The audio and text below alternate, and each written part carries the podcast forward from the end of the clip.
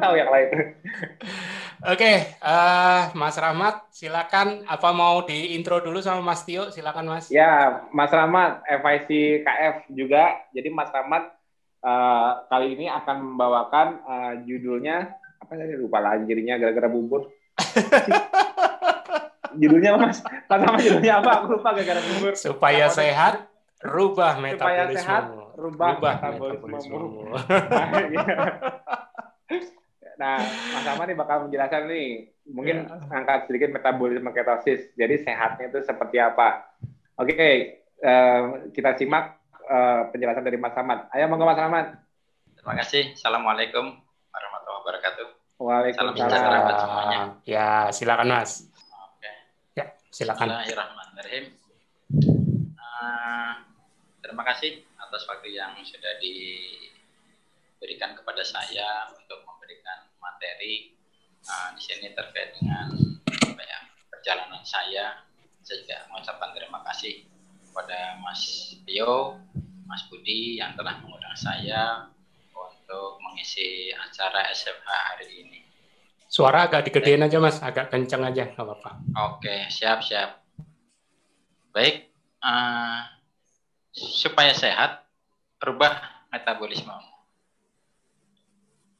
Nah, ini dulu kondisi saya sebelum jadi warrior KF.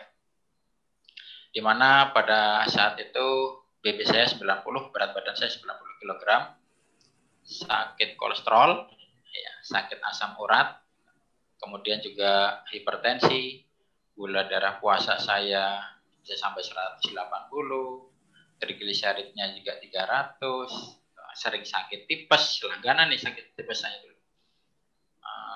Gampang masuk angin, kemudian juga alergi gatal, dan sering minum obat. Minum obat apa aja, apalagi kalau pas lagi gatal itu langganan pasti, insidal. Uh, nah, kemudian apa yang salah ini? Jadi masih menjadi sebuah misteri kan. Kenapa pas lapar jadi galak, tapi udah kenyang jadi bego. Ini tipe kalau saya dulu ini kayak gini nih. Nah, karena uh, dengan kondisi metabolisme saya yang tadi seperti sudah saya sampaikan, karena sakit kolesterol, sakit asam urat, ya, uh, pada juga sering bekam, tiga bulan sekali rutin bekam, tapi kok masih aja uh, apa namanya jadi patologis, badan gak enak, banyak terlalu banyak keluhan. Uh, kemudian uh, saya buka-buka Facebook, dikenalkan oleh teman saya tentang apa namanya uh, pola makan tinggi lemak. Itu saya heran tuh kaget. Uh, barangkali kepingin apa namanya uh, sehat, coba aja kayak begini, masuk aja ke grupnya dulu. Saya masuk mengenal ketofastosis ini Nah, di Facebook. Nah, setelah saya buka, saya heran ini. Waduh, kok makanya semua yang sumber hewani semua ya? Yang berlemak-lemak, yang ini kolesterolnya tinggi, mengandung purin tinggi. Padahal sebetulnya dulu ini menu-menu yang paling saya suka. Gitu. Tapi karena pengalaman saya sebelum KF itu masih nol ilmunya, masih belum paham, masih makan karbohidrat sehingga saya menganggap bahwa eh, apa namanya pola makan seperti ini tinggi menu hewani eh, tinggi lemak itu akan mempengaruhi akan mempengaruhi eh, kesehatan saya malah. Sehingga saya galau pada saat itu. Galau nih masa mau sehat makan serba lemak. Kemudian pakai puasa lagi. Apa nggak takut kolesterol? Nggak takut kena asam urat, nanti bukannya sehat malah mati konyol gitu. Ini sering pertanyaan-pertanyaan seperti ini, ini uh, sering uh, disampaikan oleh uh, apa namanya anggota-anggota baru, member-member baru.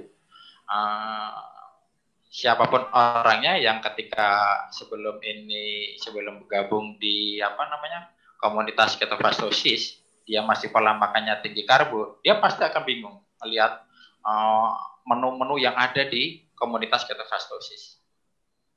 Tapi saya heran lihat progres testimoni senior-senior yang semakin sehat dan mereka rata-rata ceria. Padahal makanya serba berlemak semuanya. Nah ini ada apa? Nah uh, karena rasa penasaran yang begitu besar, sehingga batin saya ini harus baca ini, kan? Sama seperti uh, apa uh, Nabi Muhammad SAW ketika pertama kali mendapatkan wahyu, ikro, ikro, ikro, baca, baca, baca. Ada apa ini? Kenapa mereka kok bisa seperti itu? Nah, ketika saya telah uh, masuk lebih dalam di dalam komunitas uh, ketofastosis, sudah mengunduh uh, protokolnya, itu file-file ketiga filenya, program ketofastosis, protokol fastosis,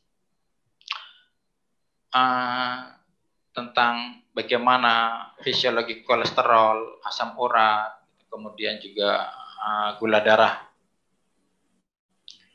ini saya lantas berpikir, oh iya, ternyata memang uh, saya ini termasuk dalam ruang lingkup masyarakat modern yang dinamika kehidupannya seperti ini. Lebih banyak uh, sedentary, sedikit aktivitas ada di luar. Apalagi gaya hidup masyarakat modern sekarang ini lebih banyak stres otak daripada stres otot.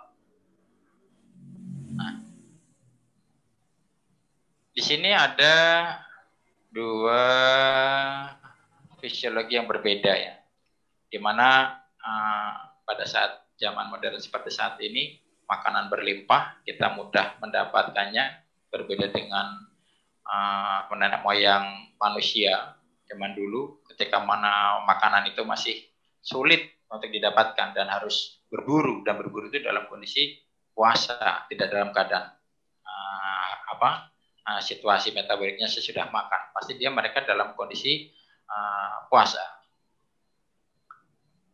Nah, adapun dengan gaya hidup manusia saat ini, masyarakat modern, di mana pola menunya saya anggap sebagai menu konvensional, di mana uh, sering lazim kita dengar empat sehat lima sempurna dengan tiga kali makan belum termasuk snacknya tetapi uh, dengan ketofastosis lifestyle sebagai gaya hidup baru yang baru booming sekitar tahun 2016-an sampai dengan saat ini, ini menjadi uh, antik.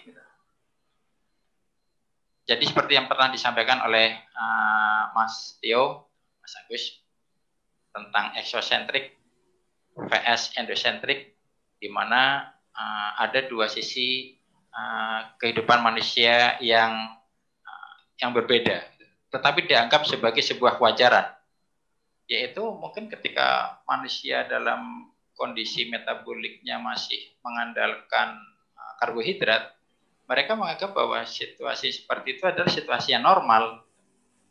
Begitu juga dengan kita di komunitas uh, pastosis bahwa uh, dengan kita hanya omet sekali makan dalam 24 jam. Seringnya seperti itu. Bahkan juga uh, kita ada yang puasa sampai tiga hari tidak makan, bahkan sampai WF5 itu water fasting, tidak ada asupan makanan yang masuk, hanya cairan saja. Bahkan sampai ada yang WF7. Itu sesuatu yang yang wajar, sesuatu yang normal buat kita. Nah, nah di sinilah uh, dua sisi yang berbeda gitu dari sudut pandang yang berbeda dan juga dari uh, dua metabolisme yang berbeda. Yang satu mengandalkan glukosa, di mana uh, hasil pembakaran dari karbohidrat, kemudian yang satu lagi dari pembakaran lemak. Yang terjadi kalau kita terlalu banyak makan dan minum manis, di antaranya berat badan gampang naik, susah turun. Kalau udah naik susah turunnya. Yang kedua diabetes kemudian gagal ginjal, juga apa ketidakseimbangan hormon, kemudian juga masalah PCOS, gula darah tinggi, kalau menjadi tidak seimbang, kemudian juga ada lagi non alkoholik fatty liver disease NAVLD, dan ada juga uh, tumor di mana disebabkan karena seringnya kadar gula yang tinggi. Nah, uh, dengan pola makan tinggi karbohidrat tadi sehingga insulin menjadi resisten karena terjadi hiperinsulinemia di mana akhirnya uh, HDL itu menjadi rendah. Dengan situasi hiperinsulinemia ini akan mudah terjadinya berbagai macam patologis penyakit di antaranya seperti uh, diabetes kedua, obesitas, cancer, aterosklerosis, ya, hipertensi, kemudian juga inflamasi kronik. Nah, tanda-tanda ketidakseimbangan metabolik ini di antaranya lingkar pinggang lebih dari 90 untuk pria, kalau wanita 80, gula darah puasanya selalu di atas 100, HbA1c-nya itu di atas 5,7, trigliserid lebih dari 150, kemudian juga HDL kolesterolnya kurang dari 40, kalau wanita namanya kurang dari 50 tekanan darahnya selalu di atas 120 bahkan dulu saya ketika masih pola makan tinggi karbohidrat itu tekanan darahnya bisa sampai 185 190 dan selalu minum obat. Perilaku masyarakat modern seringnya apa? Mereka beranggapan bahwa selalu Nah, bilangnya gini, nikmati aja apa yang ada. Kemudian juga pola hidup uh, yang tidak teratur, lebih sering diam daripada bergeraknya. Kemudian juga manajemen stres yang tidak terkontrol. Nah, tentang manajemen stres yang tidak terkontrol tadi juga sudah dibahas oleh uh, pemateri Mbak Yas, juga diperdalam lagi oleh Mas Tio. Inilah ekses kortisolnya kalau selalu tinggi juga akan banyak menimbulkan masalah.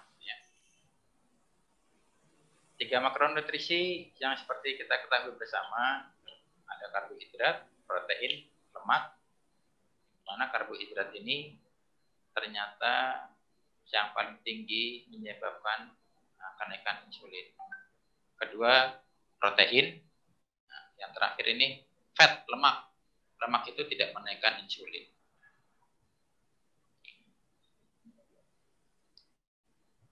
Saya baru tahu, baru ngeh bahwa ternyata eh, gaya hidup masyarakat modern ini juga karena apa? Hasil uh, edukasi yang keliru, keliru. Di mana uh, dulu pada tahun 1954 ada peneliti ya Uncle Case yang menyatakan bahwa dia tinggi lemak ini kalau makan tinggi lemak berhubungan dengan kematian akibat penyakit jantung koroner.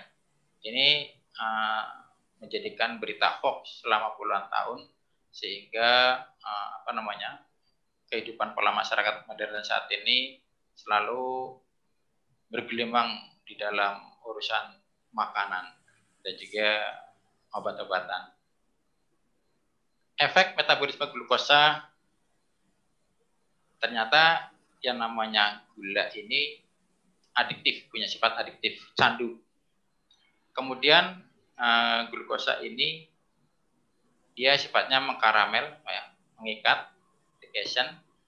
Kemudian juga ketika ya seseorang ini dalam kondisi puasa, tetapi metabolisme tubuhnya masih mengandalkan gula, ketika dia rendah akan terjadi gejala hipoglikemik. Tetapi kalau ketinggian jadi hiperglikemik. Glukosa juga ternyata lebih bisa meninggalkan ROS toksin di dalam sel tubuh. Kemudian juga ternyata glukosa ini merupakan sumber nutrisi sel kanker yang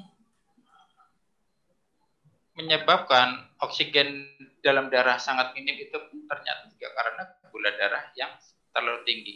Ini terbukti ketika saya setelah setelah uh, melakukan gaya hidup ketofastosis sering pada awal-awalnya dulu di satu tahun pertama sering tes GDP gitu ya.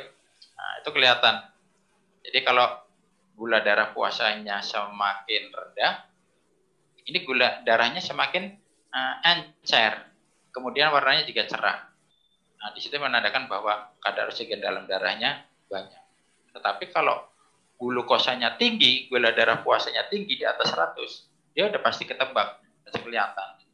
Uh, darahnya kental, ya, hitam. Nah, kemudian juga efek dari metabolisme glukosa itu yang terlalu tinggi akan terjadi ketidakseimbangan hormon. Ada orang beranggapan berarti kalau karbohidrat itu mengakibatkan kenaikan gula darah, bagaimana dengan buah? Nah, ternyata uh, dulu saya juga melakukan hal yang salah, keliru. Karena teman belum apa, belum tahu, belum paham, belum ngerti ilmunya. Ternyata ada gula dalam buah. Tahukah eh, teman-teman uh, semuanya? Ternyata di dalam buah itu ada kandungan gula yang lebih tinggi namanya fruktosa. Dulu ketika saya masih karbohidrat, sering banget kan makan mangga, apalagi kalau pas lagi piket jaga, piket jaga, kemudian di sekitar lingkungan uh, kantor juga banyak pohon mangga, gitu. sehingga setiap kali uh, apa namanya pas waktunya makan, tetapi belum sempat keluar, adanya mangga, udah makan mangga aja deh. Nah di situ ternyata uh, mungkin situasi seperti itu yang menyebabkan saya pernah menderita fatty liver. Seperti sudah saya sampaikan bahwa trigliserid saya pernah sampai 300. Ternyata baru tahu ilmunya setelah saya masuk ke komunitas ketofastosis. Oh, trigliserid ini ternyata diakibatkan karena di antaranya penyumbang besarnya adalah fruktosa yang terlalu tinggi sehingga menyebabkan trigliserid. Saya pernah juga mentori uh, warrior dari Pangandaran, ya, Bu Tita, nah, beliau guru biologi, dia juga pernah sempat kelihatan apa namanya trigliseridnya tinggi, tetapi gula darah puasanya kok nah, normal-normal saja gitu. Ternyata memang uh, sering mengkonsumsi buah. Karena dari hasil baca-baca tadi, saya akhirnya tersentuh nih dengan apa namanya uh, postingan ini. Apa yang disampaikan oleh Mas Tio. Jika Anda sembuh dalam ketofastosis, jangan berpikir fastosislah penyembuhnya atau saya yang menyembuhkan Anda, namun sistem metabolisme tubuh Anda sendiri yang menyembuhkannya. Fastosis hanya membantu mengkondisikannya, jadi jangan berterima kasih kepada saya, namun berterima kasih pada yang telah memberikan sistem metabolisme tubuh sejak Anda diciptakannya ini terus lantas saya merenung. Oh, berarti tubuh kita sendiri ini bisa seperti dokter, bisa menyembuhkan sendiri. Asal asalkan kita tahu ilmunya. Dari situ akhirnya saya memantapkan niat untuk langsung start uh, mengaplikasikan ketofastosis. Yang dilakukan apa di dalam apa ketofastosis ini? Ternyata mimiknya mimik yang gaya hidup sering dilakukan oleh nenek moyang kita dulu. Sering berpuasa, kemudian sangat rendah karbohidrat, lebih dominan hewani daripada nabatinya, tinggi aktivitas fisik, walaupun dalam kondisi puasa, walaupun belum makan, sudah masuknya jam makan, tetapi apa namanya uh, belum ada yang dimakan, ya terus puasanya. Kemudian juga rendah stres, dan terakhir adalah tidur yang berkualitas. Ini saya coba untuk uh, saya aplikasikan. Di sini juga ada uh, apa namanya ritme sirkadian di kata fasosis bahwa apa namanya pola hidup uh, komunitas kita ini di kata fasosis ya seperti ini. Jadi ada saatnya di kapan uh, tubuh kita ini uh, apa namanya melakukan refill, ada jendela makan, kapan saatnya tidur yang paling bagus, kapan saatnya itu harus ada aktivitas, itu ada di, di atau di dalam ritme sirkadian. Targetnya di ketofastosis adalah yang di dalam lingkaran merah, tosis. Ini pada saat awal saya baca ini pun kaget. Wah, glukosa puasa kurang dari 80. Ternyata juga ada di kolom paling sebelah kanan untuk terapeutik untuk pengobatan, untuk ikhtiar uh, pengobatan. Di mana gula darah puasanya harus di antara 55 sampai 65. Kemudian uh, asam uratnya, asam uratnya juga ternyata harus tinggi, harus di atas 8. Tapi tensi darahnya kok kurang dari 110. Di situ saya mulai berpikir apa iya kok kayaknya kontradiktif gitu bertolak belakang dengan situasi yang katanya orang normal gitu, di kondisi masih makan karbohidrat. Nah, terbukti ketika saya melakukan ketofastosis baru di kisaran dua minggu, mana asam urat saya bisa sampai hampir 14, itu tes asam urat uric acid ke puskesmas bisa sampai tiga kali, itu tiga kali tes, gitu. karena yang periksa kaget, Pak, kok 13 dikira mungkin alatnya yang rusak gitu. Karena sambil penasaran ya lihat lihat ke saya gitu. Nah, pak, pak sekali lagi ya tesnya apa namanya nah, asam uratnya gitu. Oh, yang pak nggak apa-apa mbak dites lagi kan masih sama. Kemudian dipikir apa ini? Apa alatnya yang salah? Apa ya? Ya sempat tanya ke saya pak uh, sakit nggak pak? Enggak gitu. biasa-biasa aja kok mbak gitu. kemudian akhirnya dites yang ketiga kalinya ternyata um, masih sama juga gitu. Tapi diukur dengan alat yang berbeda. Rupanya um, mereka sanksi gitu ya barangkali ini alatnya yang alatnya yang rusak atau apa tapi kok orangnya nggak apa-apa gitu. Saya tanya bapak uh, apa namanya bisa jalan? Bisa digerakkan kakinya tangan gitu bisa jalan seperti biasa? Bisa gitu. Nah di situlah. Ah, tapi saya mulai senyum-senyum aja oh ternyata benar. Uh, asam urat berapapun tingginya tidak akan menjadi patologis ketika gula darah puasanya itu rendah di bawah 80 mg per dl. Ini yang terjadi ketika apa uh, intermittent fasting state ya, kondisi di mana kita uh, apa namanya melakukan ketofastosis ada tiga wilayah ya tiga kondisional di mana fat state ini kondisi uh, sesaat setelah kita makan ini akan terjadi antara 3 sampai 5 jam. Kemudian post absorptive state-nya body tubuh kita ini masih mengandalkan variasi dari hasil makanan yang kita makan antara 8 sampai 12 jam dan akhirnya uh, ruang lingkup ketiga kondisionalnya adalah kondisi puasa di mana terakhir 12 jam setelah kita uh, makan. Ini adalah kondisi yang paling uh, alami ketika tubuh nantinya akan membakar lemak. Nah, ini adalah uh, perbedaannya di kondisional uh, makan dan di dalam kondisi puasa di mana ketika kondisional setelah makan hormon insulinnya akan naik tapi di kondisi puasa, glukagonnya yang malah yang naik. Adrenalin naik, kortisol naik. Ingat kortisol naik juga di, di kondisi uh, puasa. Uh, tetapi di ketofastosis, makanya tadi sudah disebutkan, ketika kortisol hormon stres naik di kondisi puasa, dimanfaatkan uh, untuk tidak uh, lebih dominan stres-stres otak, tetapi juga stres otot. Kemudian respon of the body-nya ketika di kondisi setelah makan ini glikemia uh, menurun, glukogenesisnya meningkat, ada apa namanya kenaikan store fatnya, partiosintetisnya juga meningkat, tapi sebaliknya di kondisi puasa glikemia yang glikemianya naik, hipolisisnya juga naik, ketogenesis. Genesis di mana tubuh ternyata ini baru saya baru tahu ternyata tubuh uh, bisa menghasilkan gula sintetis sendiri walaupun tidak dimasuki oleh makanan tinggi karbohidrat. Yang terakhir itu fat of glucose-nya ya, ketika di kondisi makan untuk glikolisis formation of stores.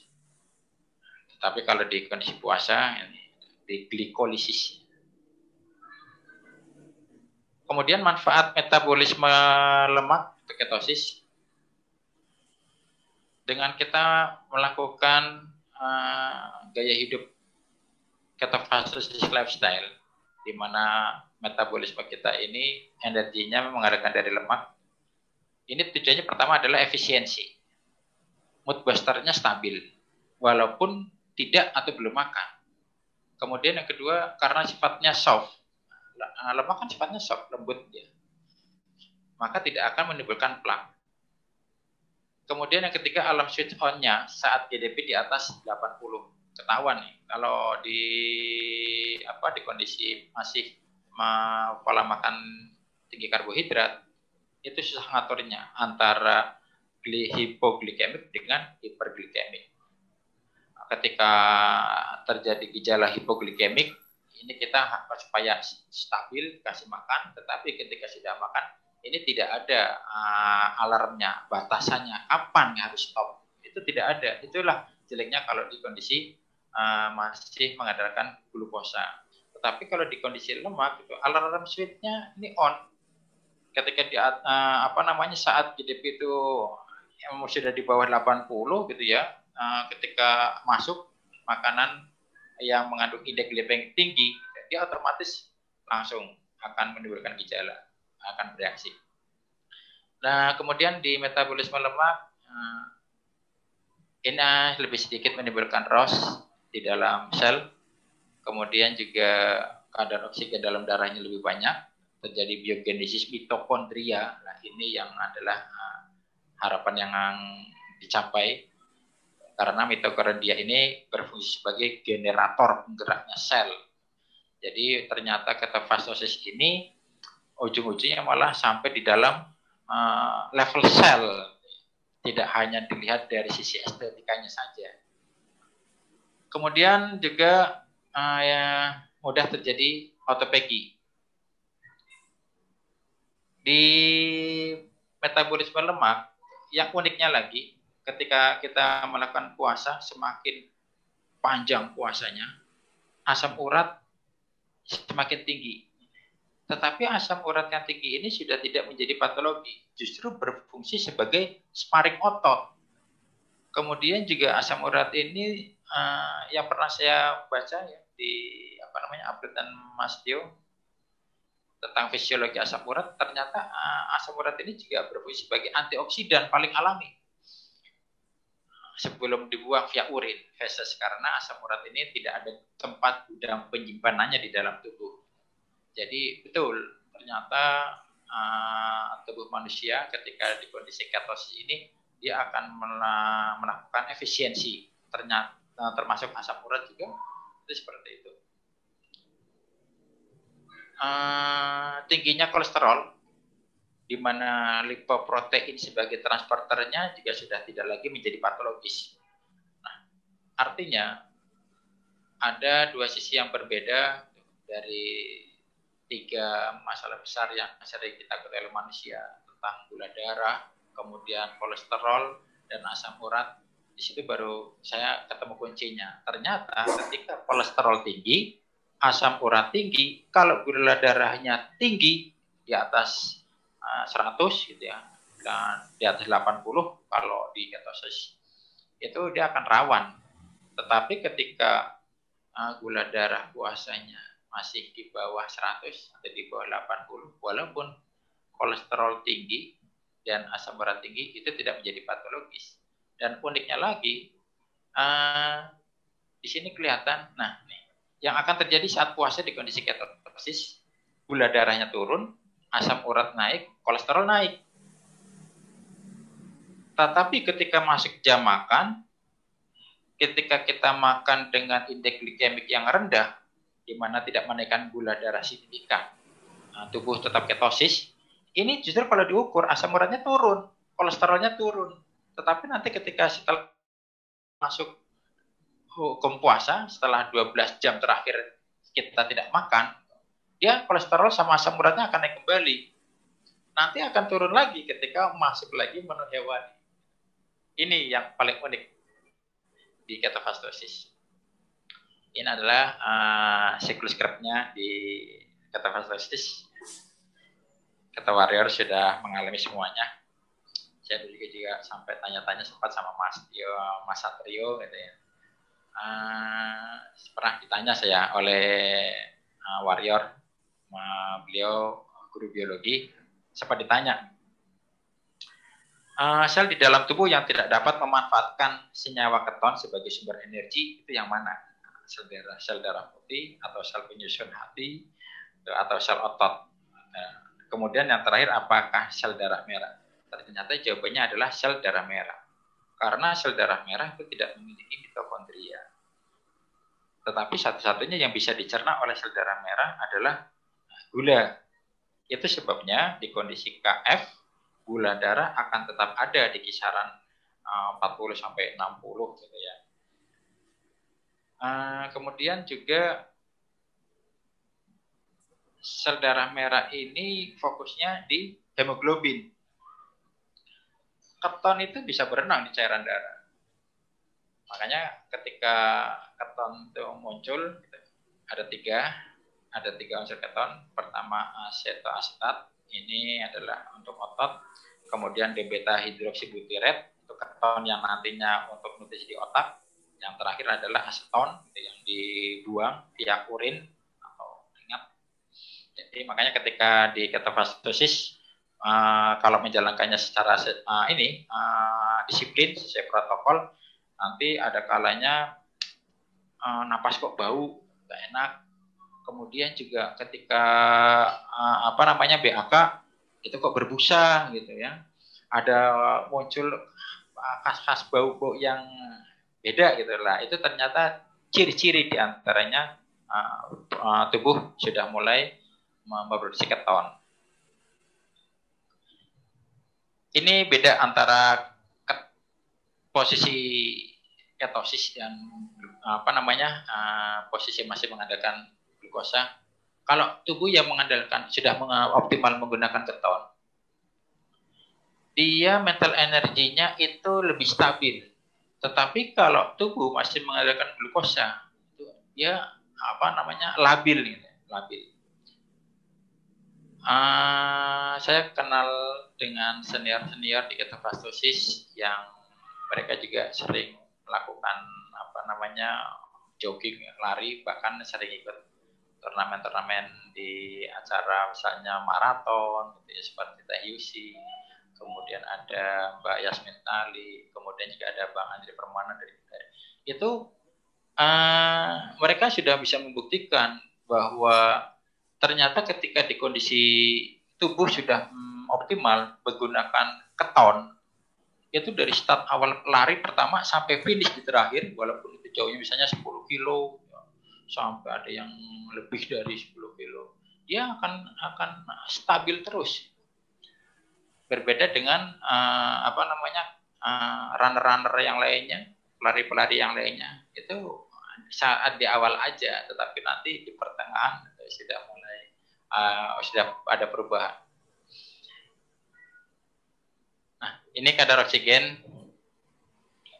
Kadar uh, di tadi ya ada oksigen di dalam darah akan lebih banyak di metabolisme lemak kelihatan ketika kita cek gula darah puasanya kalau gula darah puasanya itu masih tinggi di atas 80 dia warnanya akan hitam pekat tetapi kalau gula darah puasanya di bawah 80 itu uh, warna darahnya akan semakin cerah itu menandakan bahwa oksigennya banyak. Dengan ketosis membuat tubuh mencapai titik keseimbangan metabolik. Ini bisa dibuktikan di mana lingkar pinggang kurang dari 90 untuk pria, 80 cm untuk wanita, gula darah puasanya di bawah 80, HbA1c-nya di bawah 5,7, trigliserid di bawah 150, HDL kolesterolnya juga malah lebih tinggi daripada LDL-nya. Kalau untuk pria 40, wanitanya 50, kemudian jika tekan darahnya normal dan sudah tidak minum obat. Seperti yang saya rasakan berarti sudah hampir empat tahun saya mengaplikasikan ketofastosis. Alhamdulillah sudah tidak pernah minum satu butir obat pun. Dari penerapan uh, gaya hidup ketofastosis ini, kadang akhirnya muncul di pikiran saya ketika misalnya melihat situasional di kondisi masyarakat lingkungan maupun misalnya kalau pas lagi ke, ke rumah sakit, ke klinik-klinik, uh, begitu banyaknya orang yang mengantri, dia berobat, tetapi tetapi kok uh, dalam hati pikiran saya, kenapa tidak mereka tidak berpikir uh, bagaimana untuk memilih gaya hidup yang betul-betul bisa menghindari dari konsumsi obat. Lantas uh, saya beranggapan seperti ini. Dan ini juga yang saya sampaikan uh, kepada eh, teman-teman uh, dekat saya termasuk juga di keluarga. Untuk mereka yang masih makan karbohidrat pesan saya adalah coba kalau misalnya jadi pasien jadilah pasien yang cerdas. Pasien yang cerdas itu bagaimana? Pasien yang cerdas itu jangan hanya sekedar datang ke nakes untuk minta diobati tetapi ketika apa namanya uh, sudah dikasih obat, ngerti tahunya dia itu sudah sembuh, tetapi nggak lama sakit lagi, datang lagi, ya. seolah-olah kangen gitu ya sama nakesnya. Uh, cobalah menjadi pasien yang cerdas, tidak hanya sekedar minta diobati, tetapi juga tanyakan, kenapa kita ini menjadi sakit dan apa caranya supaya tidak jadi sakit lagi Kan seperti itu. Nah, uh, ini adalah testimoni manfaat ketosis dari uh, warrior-warrior yang saya mentori. Alhamdulillah, ternyata apa yang saya rasakan juga uh, bermanfaat untuk warrior-warrior yang lain. Ini adalah Pak Warman. Beliau uh, bekerja di salah satu BUMN bergerak di bidang farmasi ternyata gitu ya. Uh, satu bulan sebelum KF gula darahnya 457 ini jempol kakinya ya, sudah mulai ada luka awal start KF ini yang di tengah. Kemudian setelah KF satu bulan itu lukanya sudah mengering. Ini uh, pengakuan dari beliau. Jadi awalnya nggak nggak sengaja tuh yang ngorek-ngorek tuh kira kirain uh, apa namanya hanya pelutung biasa gitu. Wah ternyata setelah setelah dikorek luka nggak sembuh-sembuh dites gula darahnya 457 akhirnya dirujuk ke dokter bedah untuk dioperasi diambil jaringan yang mati. Kemudian dikenalkan kita fastosis oleh temannya ke saya gitu saya mencoba untuk apa mementori dan alhamdulillah kondisinya sudah uh, terlihat tadi. Kemudian ini juga testimoni lain uh, dengan manfaat ketosis. Ini ada di grup Facebook, uh, Facebook ketosis Facebook. Ini adalah bukti bahwa ternyata perbaikan sel dapat terjadi hanya dengan puasa dan low carb. Menunya high fat ternyata sampai luka seperti ini. Ini kan ini gangren diabetes sebelum KF gitu. Tetapi setelah menjalani uh, ketofastosis merubah metabolismenya yang dulunya itu mengandalkan uh, karbohidrat, mengandalkan glukosa, uh, setelah tiga bulan KF ini ternyata lukanya malah mengalami perbaikan. Ini juga apa namanya uh, testimoni dari adik ipar saya uh, ternyata uh, dia mendapatkan progres yang baik setelah menjalani ketofastosis yang awalnya dulu macam-macam ini penyakitnya. Ya ini rombongan ini penyakitnya. Ada asma kemudian juga uh, sempat osteoartritis rematik artritis kemudian bahkan juga uh, ligamennya ini sudah sempat sobek gitu. itu saya uh, sampai kasihan juga itu melihatnya karena posisinya sholat sudah tidak bisa sempurna, harus duduk terus gitu. Alhamdulillah setelah menjalani ketofastosis, saya sarankan udah uh, ikut ini aja mengaplikasikan ketofastosis dan alhamdulillah sampai saat ini itu sudah menjadi life improve. Uh, sudah uh, menularkan keluarga yang lain untuk mengaplikasikan ketofastosis dan alhamdulillah sekarang sudah sembuh sudah bisa ke mana-mana. Kalau dulu mau jalan aja susah sholat aja uh, di kursi. Tetapi sekarang sudah bisa uh, bepergian. Ini adalah grup KF uh, di Telegram. Mungkin ada apa namanya member yang masih newbie di sini. Memang grup ini sengaja dibuat untuk uh, apa namanya memudahkan progres uh, penyembuhan yang ditujukan untuk teman-teman semua yang masih berupaya ikhtiar mencari uh, kesembuhan untuk berbagai macam patologisnya. Dan di sinilah yang paling unik yang saya sendiri sampai saat ini juga heran gitu ya. Tetapi sudah sudah masuk akal gitu ya. Ternyata uh, cuma karena uh, puasa dan menggunakan uh, energi dari lemak semua bisa alhamdulillah uh, mengalami progres yang yang yang cukup baik yang cukup signifikan. Karena dengan berbagai macam penyakit yang rata-rata penyakit dalam yang dulu saya pikir uh, susah mengobatinya gitu.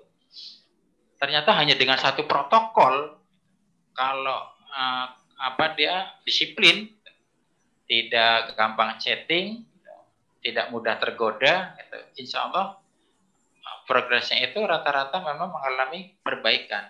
Yang penting pertama adalah uh, kondisi manajemen uh, stresnya manajemen stresnya. Makanya uh, manajemen stres ini harus benar-benar menjadi PR buat teman-teman semuanya yang menjalani ketofastosis supaya tidak terlalu lebih dalam lagi gitu, uh, terhanyut dalam situasi manajemen psikologi yang tidak baik karena stresnya yang terlalu tinggi. Saya sering menyarankan kepada teman-teman semuanya itu daripada stres otak itu lebih baik stres otot. Ketika kita sudah melakukan ketofastosis uh, di jam puasanya, kita itu mau ngapain gitu. Ya kita ini ketika puasa ya tetap beraktivitas seperti biasa. Justru malah tadi seperti yang sudah saya sampaikan bahwa kondisi asam urat di kondisi kita puasa itu tinggi. Nah, karena ternyata fungsi asam urat itu sebagai sparing otot itu digunakan semaksimal mungkin untuk apa? Merusak otot. Karena uh, otot tubuh manusia itu kan protein ya, kumpulan dari protein. Dia tidak bisa tumbuh hanya karena kita itu memperbanyak atau menambah porsi makannya tanpa dibarengi dengan exercise. Itu yang sering saya sampaikan ke teman-teman semuanya. Jadi supaya otot kita bertambah dan semakin eksis, semakin kuat, ya harus dibarengi dengan stressing otot.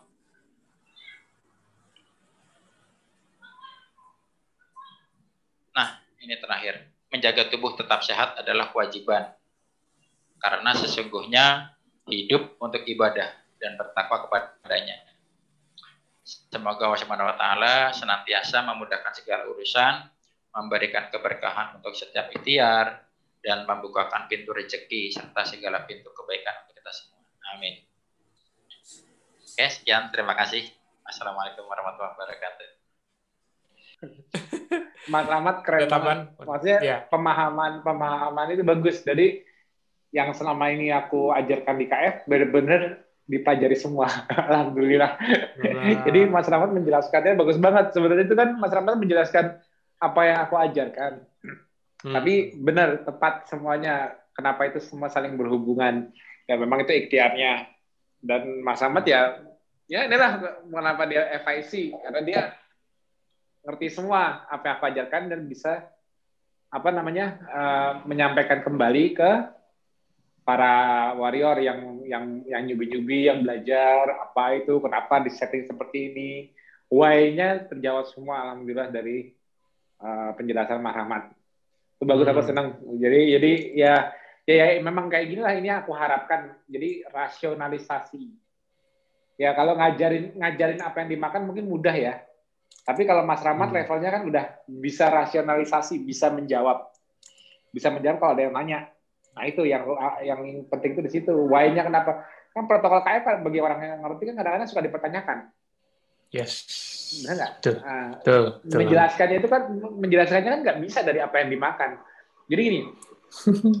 ini contoh nih, nanti kalau kalau nggak percaya gini loh. Uh, di, di di di grup metabolic conditioning percaya nggak ini ini ini ini ini, ini aku nggak sebut nama ya aku nggak sebut nama tapi yang bikin aku senang gini di grup metabolic conditioning kita yang baru aku buat itu yang para hmm. nakes-nakes pada pada baru tahu baru tahu apa itu metabolic conditioning Bahkan ada satu orang aku nggak sebut namanya, dia tadinya ngaku kalau dia tuh sangat anti keto.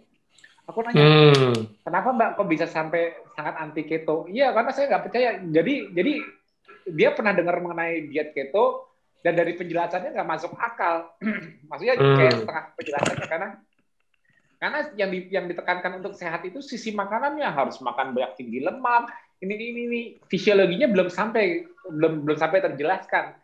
Tapi hmm. justru hal-hal seperti itu yang membuat orang banyak jadi anti keto. Maksudnya dengar makanan-makanan yang apa namanya yang serem-serem, yang gini-gini. Jadi memang, memang kalau dari makanan kita makanannya nggak ada yang make sense loh. Kalau hmm. bagi dunia modern, dokum makan hewani banyak malah sehat.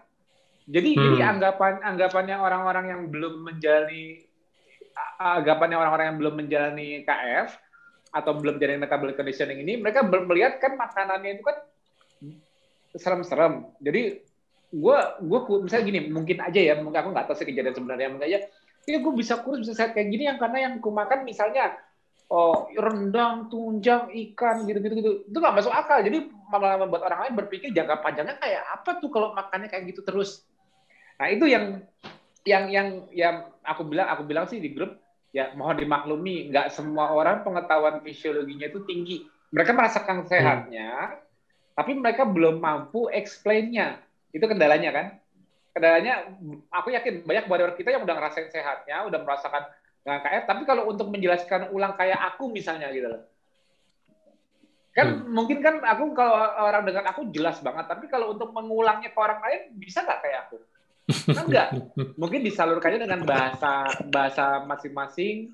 Tapi kadang-kadang bagi orang yang mendengarkan kayak tapi masih belum mudeng juga masih wah terlalu ini nggak mungkin lah fisiologi kayak gitu nggak mungkin gini gini gini karena karena mungkin nggak kendala aku itu yang menjadi kendala kenapa orang prediksinya spekulasinya itu jadi jelek nah, mereka hmm. tapi alhamdulillah sejak beliau masuk ke grup metabolic conditioning dia langsung alhamdulillah dalam grup metabolic conditioning kita kita buka baru hari Senin kemarin ya mas ya Iya betul baru hari setelah Senin, baru hari Senin kemarin dari diskusi ngobrol di sana langsung mencoba dan langsung merasakan efeknya. Dia mau mencoba karena ya karena nakes ya, jadi harus jelas dulu fisiologinya. Ya memang memang nggak nggak gampang menjelaskan ke nakes karena harus dengan bahasa mereka. Kita harus harus mengedepankan fisiologi, jangan angkat makanannya. Makanan kan seperti dibilang tadi kan juga dijelasin bahwa fasting is the healer. Ketosisnya apa yang kita hmm, hmm. makan itu cuma keeping keeping kemampuan healing kita di jendela fasting. Nah, kalau hmm. kita bisa bisa menjustify itu ke setiap orang mengenai gaya hidup kita, nggak usah ngajarin lagi cara makannya. Nanti mereka yang tak ajarin cara makannya gimana. Karena kita yang membuat tertarik itu ialah efek fisiologi yang dihasilkan. Untuk menghasilkan fisiologi seperti itu, makanya pilih yang kalau Mas Piprim bahasanya, pokoknya makan yang tidak memicu insulin. Nggak perlu ngomong makan apa hewan dan sebagainya tapi kalau kalau dia belajar belajar sendiri akhirnya tahu yang memicu insulin kan karbo. Apalagi hmm. makin cepat serap makin makin cepat memicu insulin. Nah jadi kayak mengarahkan ke arah makan. Tapi kalau itu, itu pentingnya menceritakan fisiologi dulu sebelum menceritakan makanan kok lo bisa kurus sekarang kok lo bisa sembuh dari diabetes kok lo bisa sehat gini gini gini Ya, lihatnya makanan gua, gua makan rendang, tunjang apa, jangan makan nasi roti mie tepung. Itu justru malah bikin gula hmm. naik. Yang dimakan justru malah harusnya berlemak-lemak kayak gini. Menjelaskan dari sisi hmm. makanan selalu mendapatkan kontradiksi. Karena karena di zaman modern high fat, apalagi ngomong high fatnya, itu sudah pasti resep menuju metabolic syndrome sudah banyak terbukti karena karena faktor karbonnya belum dilepas. Tapi tapi sinkronisasi di fisiologinya itu memang butuh waktu ya. Contohnya kayak Mas Rahmat gini kan udah kelihatan pendalamannya. Jadi untuk dia justify atau menjelaskan ulang mudah ke orang lain. Itu itu yang aku hmm. memang aku hmm. harapkan itu memang pengetahuan, pengertian sampai selevel itu. Jadi hmm. ya enggak ya semua ada prosesnya, pasti belajar. Ya ya pentingnya aku bilang di KF itu kita makin perlu makin ikutinlah TFA TFA, ikutinlah SFA SFA. Selalu aja aja walaupun kita lihat pengalaman orang tapi ada aja uh, apa hmm. ilmu yang kita dapatkan. Jadi tentang gini, Mas Rahmat emang nakes kan bukan? Tapi lihat deh cara gaya bahasa menjelaskannya dari seorang yang awam loh. Itu orang awam tapi bisa menjelaskan seperti itu itu mungkin juga bisa bikin ini orang awam tapi kok pengertian ke arah fisiologinya kok mumpuni ya gitu. Berarti kan berarti kan aku sebagai yang ngajarin di awal ilmunya aku seneng dong. Wah, keterima dengan benar. Gitu loh. Yes. Aku keterima dengan benar dan tersampaikan juga nantinya dengan benar. Ya memang itu aku sadar semua warrior itu kenapa jadi walaupun kita semua bukan basic background nakes, kalau aku bisa, kenapa yang lain nggak bisa? At least yes. bukan untuk menceritakan orang lain, tapi untuk meyakinkan diri sendiri dulu deh. Uh. Kita ngerti pathway pathway-nya, fisiologinya bisa menjawab pertanyaan kita sendiri, walaupun pertanyaan kita belum sekritis nakes, no, no worry. Tapi hmm. kita bisa menjustify serak karena aku ngerasa sehatnya, aku tahu ilmunya. Tapi tetap hmm. aja selalu kembali ke diri sendiri. Dengarkan diri sendiri. KF itu bisa berkembang, bisa banyak yang melakukan karena terbuktinya di badan bukan ilmu aja. Justru justru itu jalanin dirasain di badan ilmunya tapi ilmunya belakangan no worry karena kan badannya nge-support. Kecuali kalau belajar hmm. ilmunya dulu nggak pernah nyoba KF itu mungkin mentok terus jatuhnya. Kenapa? Karena masih ketakutan. Bener nggak sih bakal sehat? Bener. Karena kan badannya belum ngerasain. Jadi rejectionnya bisa ada. Maka aku bilang mengosongkan gelas itu learning by doing. Jalan hmm.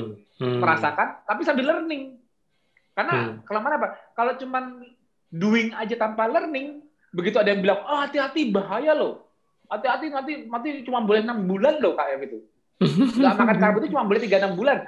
Ya karena mungkin yang yang dibilang yang yang kasih tahu ke dia itu dirasa pendidikan pengertian kesehatan lebih tinggi, dianya yang merasa nggak punya ilmu, ya ya aja nggak takut kan. Padahal badannya udah udah bilang dia merasa sehat. Dia melepas gaya hidupnya sehat, akhirnya jadi merasa nggak enak lagi, banyak masalah lagi cuma gara-gara omongan seseorang dia ya nggak dengarkan ke badan sendiri kan kasihan hmm. jadinya ya yes. ya kan nah itu hmm. dia makanya pentingnya pentingnya doing tapi juga harus ada learningnya ini, ini doing plus learning itu untuk awam learning by doing itu untuk nakes jadi nakes yang senang hmm. learning yang nakes kan pasti senang learning dong yeah. fisiologinya maksudnya aku pengen belajar karena aku ilmu harus harus masuk ke kepalaku karena aku sudah punya basic ilmunya harus masuk learning tapi percuma kalau nggak by doing, karena resistensinya tetap ada. Makanya learning by doing cocok untuk nakes, doing by learning cocok untuk yang awam. Karena hmm. karena, karena kalau belajar learning, learning dulu sebelum doing dia nggak bakal nyampe, karena dia nggak punya basicnya. Tapi hmm. begitu dia doing duluan, rasa sehatnya, dia kan pasti pernah ada, ada rasa penasaran, kok bisa ya saya lepas insulin? Kok bisa ya saya nggak minum obat lagi? Kayak apa sih hmm. fisiologi manusia hmm. itu? Walaupun nggak, walaupun dia lulusan teknik kek, walaupun tadinya dia sosial kek, walaupun apa, akhirnya contoh dia kayak Mbak Tias sosial. kan dari cara penjelasannya kan sama aja kayak dia udah hampir udah pernah belajar kayak seperti Nakas kan? Yes. Itu karena karena ilmu yang sering kita share secara gratis. Tapi hmm. tapi ilmu ini dimanfaatkan. Mungkin banyak yang banyak yang malas ikut TFA SMA mungkin karena merasa terlalu rumit. Mungkin ah rumit ah gue nggak ngerti. Tapi nggak apa-apa lah dengerin dulu. Yang nggak ngerti di bypass dulu aja. EMC kuadrat biarin aja dulu. Tapi lama-lama keinget nanti yang dulu aku nggak ngerti akhirnya di suatu timeline belajar terus akhirnya oh yang dulu Mas Tio bilang itu yang gue dulu nggak ngerti akhirnya sekarang ngerti setelah tiga bulan. Karena akunya keceplosan bahasa yang berat tapi akhirnya karena belajar terus oh yang dimaksud itu. Gitu loh ngerti gak hmm. ketemunya nanti. Yang penting try learningnya dulu. Karena untuk penguatan diri untuk apa namanya penguatan diri untuk menjalani gaya hidupnya di tengah di tengah mayoritas yang belum mengerti. Mayoritas yang menganggap kita tidak normal dong. Bener nggak? Kalau hmm.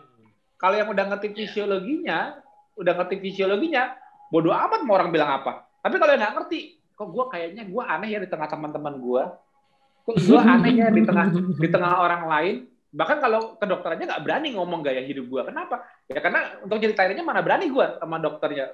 Pasti kan langsung kontra duluan. Nah itu dia. Itu sebab itu sebabnya. Makanya kita kita itu harus uh, apa namanya bisa menjustify diri sendiri ya. Minimal hmm. bukan untuk kalau misal belum sekapasitas kayak Mas Rahmat no, no worries. Tapi bisa menjustify untuk dirimu sendiri agar tetap yakin. Itu yang paling penting. Ya yang kuncinya kuncinya itu menjustify diri sendiri. Itu dulu. Kalau insya Allah bisa bisa bisa lebih maju, artinya bisa bantu mentorin orang, bisa bantu jelasin. Bahkan sorry nih mas, bener nggak mas? Hmm. Malah banyak nakes-nakes yang ikut KF yang mentorin justru malah orang awam di grup kita. jujur aja, jujur aja, bener nggak? Ya kan? Iya ya, kan? Ya itulah makanya nah, intinya kita tidak saling underestimate bahwa orang awam pun orang awam pun punya kapasitas belajar walaupun oh. tidak melalui jalur pendidikan.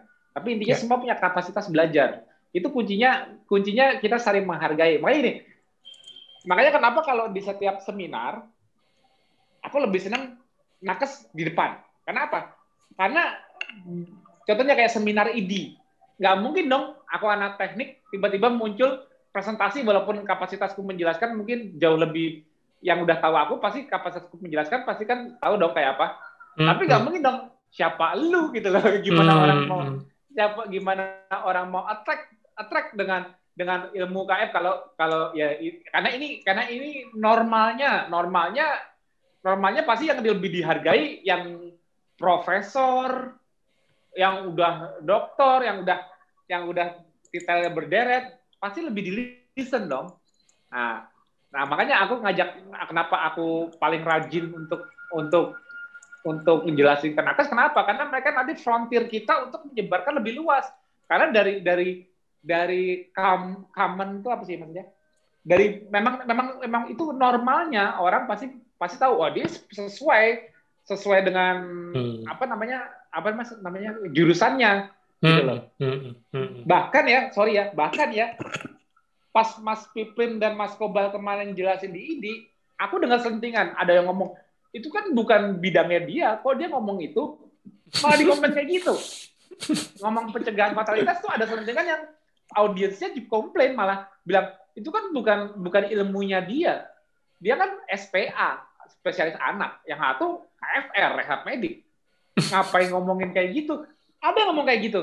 Itu itu itu itu itu itu bukan aku komplain tapi itu memang common gitu loh. Yeah, melihat umum. melihat melihat titel atau apa edukasi kompetensinya ngomong itu. Seakan-akan dia nggak boleh belajar yang lainnya. Hmm. oh salah. Aku beruntung aku nggak pernah masuk ke dokteran. Kenapa? Mungkin mungkin kalau sejarahnya aku start dari kedokteran aku cuma ngerti satu bidang ilmu. Sakit aku spesialisasinya aku cuma ngerti sampai satu hal Begitu hmm, ketemu hmm. lainnya aku nggak ngerti, aku lempar ke spesialis lain aja. Hmm, hmm. Ya, Betul. memang kalau kalau aku sampai melalui jalur itu mungkin aku end up-nya seperti itu. Aku nggak bisa koneksi hmm. semua seperti sekarang. Ya. Tapi karena aku punya kebebasan, aku belajar, tapi aku tapi aku juga tetap bisa dites dong, bener nggak omonganku? Tes dengan yeah. textbooknya masing-masing. Itu kuncinya. Karena aku ngomong sesuai karena aku yang aku omongin benar benarnya karena sistemnya aku benar-benar ngerti dulu. Itu rahasianya. Ya. Jadi jadi ya mudah-mudahan ya makanya sistemku sekarang mudah-mudahan dengan para nakes kita yang pada makin pinter-pinter cara menyampaikannya nantinya nantinya di, di setiap acara-acara acara-acara nakes kita bisa menginspirasi nakes lainnya membimbingnya mungkin nggak bisa nakes itu sendiri bisa dibantu di komunitas kita. Insya Allah hmm. insya Allah nakes nakes kalau udah kalau udah lihat KF pasti dia respect sama walaupun non nakes kenapa karena tahu semua menjalani lifestyle yang sama. Semua jadi yes. newbie sama jadi KF yeah. kita.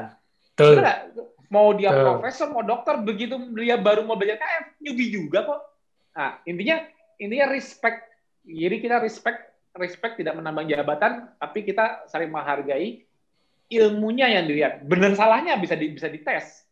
Hmm. Mendingan, mendingan ngetes benar salah daripada ngetes nggak cocok detail. Nah, repot kalau masalah nggak dapat titel bilang kalau nggak mau dengerin ilmunya cuma gara-gara nggak punya titelnya duh itu keterlaluan. Mendingan mendingan nggak punya teori tapi ilmunya bener nggak? Dicek.